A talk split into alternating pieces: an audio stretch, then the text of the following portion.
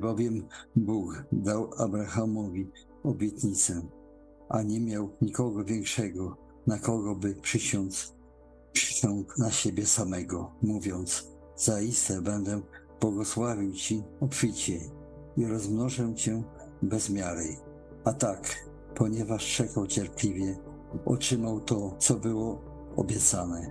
Ludzie bowiem przysięgają na kogoś większego, a zakończeniem wszelkiego ich sporu jest przysięga, która jest stwierdzeniem.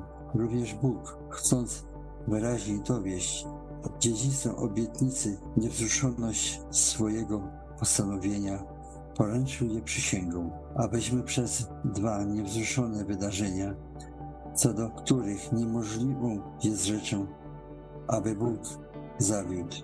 My, którzy ocaliliśmy, mieli mocną zachętę do pochwycenia leżącej przed nami nadziei.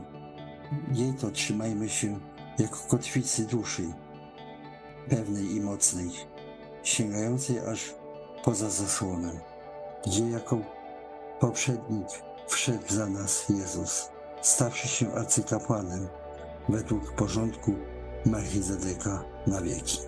Ten to Melchizedek, król Salemu, kapłan Boga Najwyższego, który wyszedł na spotkanie Abrahama, gdy wracał po rozgromieniu królów, pobłogosławił mu. A rzecz jest to bezsporna, że mniejszy od większego otrzymuje błogosławieństwo. Był bowiem jeszcze w lędźwiach praojca swego, gdy Melchizedek wyszedł na jego spotkanie. Przysiąg Pan i nie pożałuje, tyś kapłanem na wieki, według porządku Melchizedeka.